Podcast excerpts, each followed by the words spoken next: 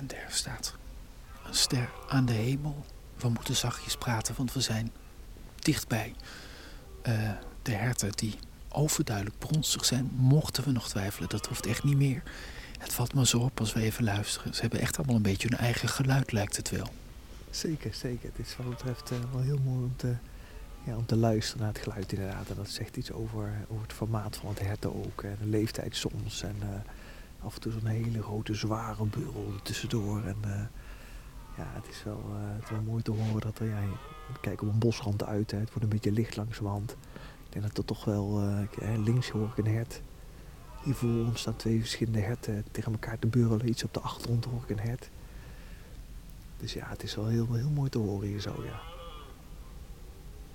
Is dit dan ook zo'n typische plek waar die dieren zich verzamelen? Weet je, ligt hier een, een zwaartepunt van de bronst? Of is het over de hele Veluwe een beetje zoals dit?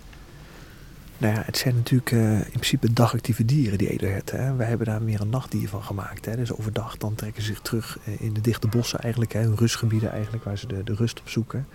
Ja, en, en, normaal in het jaargetijd ook, dan trekken ze rond, rond, ja, rond de nacht trekken ze die heideterreinen op om daar te grazen op de, op de vegetatie. Hè. Um, en dat zijn dus ook de plekken waar nu gewoon die dames lopen, waar dus ook die mannen zijn. En daar, daar vindt dus ook de, de, spektakel plaats. En ja, we zitten hier wel op een soort kruispunt. Hè. Er ligt hier een schietterrein vlakbij, grote heideterreinen, grote bossen. En daar komt het dan allemaal samen op zo'n plek. En dat is dan wel echt zo'n bronsplaats. Ja, het is echt niet overal uh, aan de orde. Ik heb een heel groot heideterrein in de hoek van Stroe bijvoorbeeld. Daar, daar leven dus jaar rond die mannelijke dieren, maar die zijn allemaal vertrokken. Ja, dat is ook niet echt een bronsplek nu, nee. Het zijn echte plekken waar in het jaar die dames leven en die mannen naartoe trekken. Waar ze, waar ze normaal ook fourageren op, op het voedsel. Uh, waar waar s'nachts op die, op die mooie open terreinen dat, dat spektakel plaatsvindt. Klinkt een beetje als Jorette Mar. Een stapavond. Nou ja, gekscherend wordt die vergelijking wel eens gemaakt. Hè? Die mannetjes die doffen zich helemaal op. Hè? Wij doen een geurtje op. Uh, zij urineren zichzelf onder. Ja, precies. Goed, het ruikt net even anders. Maar... Ja, precies. En ja, en die gaan op stap en, en op zoek naar de dames. En uh, ja, in het echte leven leidt dat soms ook wel eens uh, tot een knokpartij. Als twee heren om dezelfde dame vechten. En hier is het gewoon niet anders. Dus het heeft wel, wel wat van weg misschien, ja. Het is natuurlijk allemaal te doen om de voortplanting. Er moeten weer jongen van komen. Nou, dat gaat ongetwijfeld lukken. Maar hoe gaat dat nu verder? Stel, er is een koppeltje dat vannacht gepaard heeft.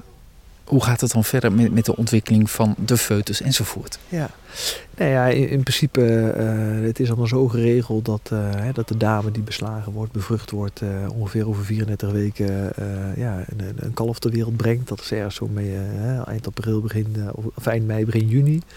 Dat is echt de periode dat, dat de natuur straks weer helemaal tot leven komt, dat er voldoende voedsel is. Dus ja, juist op dat moment wordt dat kalf geboren en kunnen ze die ook gewoon zo goed mogelijk voeden om, om die de kans te geven goed voor te bestaan. Dus, en voor de man?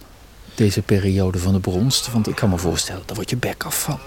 Nee, zeker. Dat, dat mannelijke hert dat plaats zet, wat natuurlijk zijn dames om zich heen verzameld heeft. Dat is continu bezig om, om, om maar die dames bij elkaar, elkaar te houden. Hè. Die probeert de concurrenten op afstand te houden. En dat zorgt ervoor dat hij uh, soms van 25% of meer van zijn lichaamsgewicht verliest eigenlijk. Dus dat is immens. Veel mensen zullen nu dit jaar bij de bronst ook denken aan dat beroemde edelhert van Nationaal Park de Hoge Veluwe, Hubertus. Hem is de bronst fataal geworden. Hoeveel edelherten overkomt dat ook? Is er iets over te zeggen? Ja, dat weten we eigenlijk niet. Hè? Kijk, uh, dat soort gevechten vinden plaats zo aan de rand van een bos in de nacht. En uh, heel veel dieren worden gewoon niet gevonden. Ja, ik, ik, werk nu een jaar of zes, zeven op de Veluwe. En we hebben inmiddels behoorlijk wat gefokkelde herten. Zo noemen we dat dan. Een dier wat door een ander hert geraakt wordt in de flank of in het hoofd is dan een geforkeld hert. Dus we vinden regelmatig wel zo'n dier. Het is ook een paar jaar geleden heel zichtbaar opeens uh, op beeld vastgelegd bij een van onze wildobservatieplekken. Dus het is heel lastig, lastig te zeggen. Op de achtergrond gaat het geburrel maar door trouwens. Het is heel lastig te zeggen hoeveel, hoeveel dieren dat lot nou uh, uh, ja, ja, te, te, deel valt eigenlijk. Maar ja. ja. het gebeurt gewoon jaarlijks, dat weten we. En, Precies, het hoort er een beetje bij, part of the game. Ja, dat is toch wel... Vleermuisje. Het, het, leven inderdaad van zoals het hier gaat. Hè. Ja, je hoeft maar even niet alert te zijn of inderdaad uh, even niet in conditie te zijn. En uh, dat kan er zo gebeuren dan, ja. Dat is toch een beetje de magie van de Veluwe, hè, dit geluid? Ja, nee, dat vind ik zeker wel. Ja, dit is, dit is toch echt een hele bijzondere tijd van het jaar. En uh, ja, de, het edelhert is toch voor veel mensen, ook voor mij, een beetje de koning van het bos. En ja, dit geluid is er onlosmakelijk mee verbonden. Dus maakt het wel weer bijzonder, ja. Dankjewel voor een mooie ochtend. Oké, graag gedaan.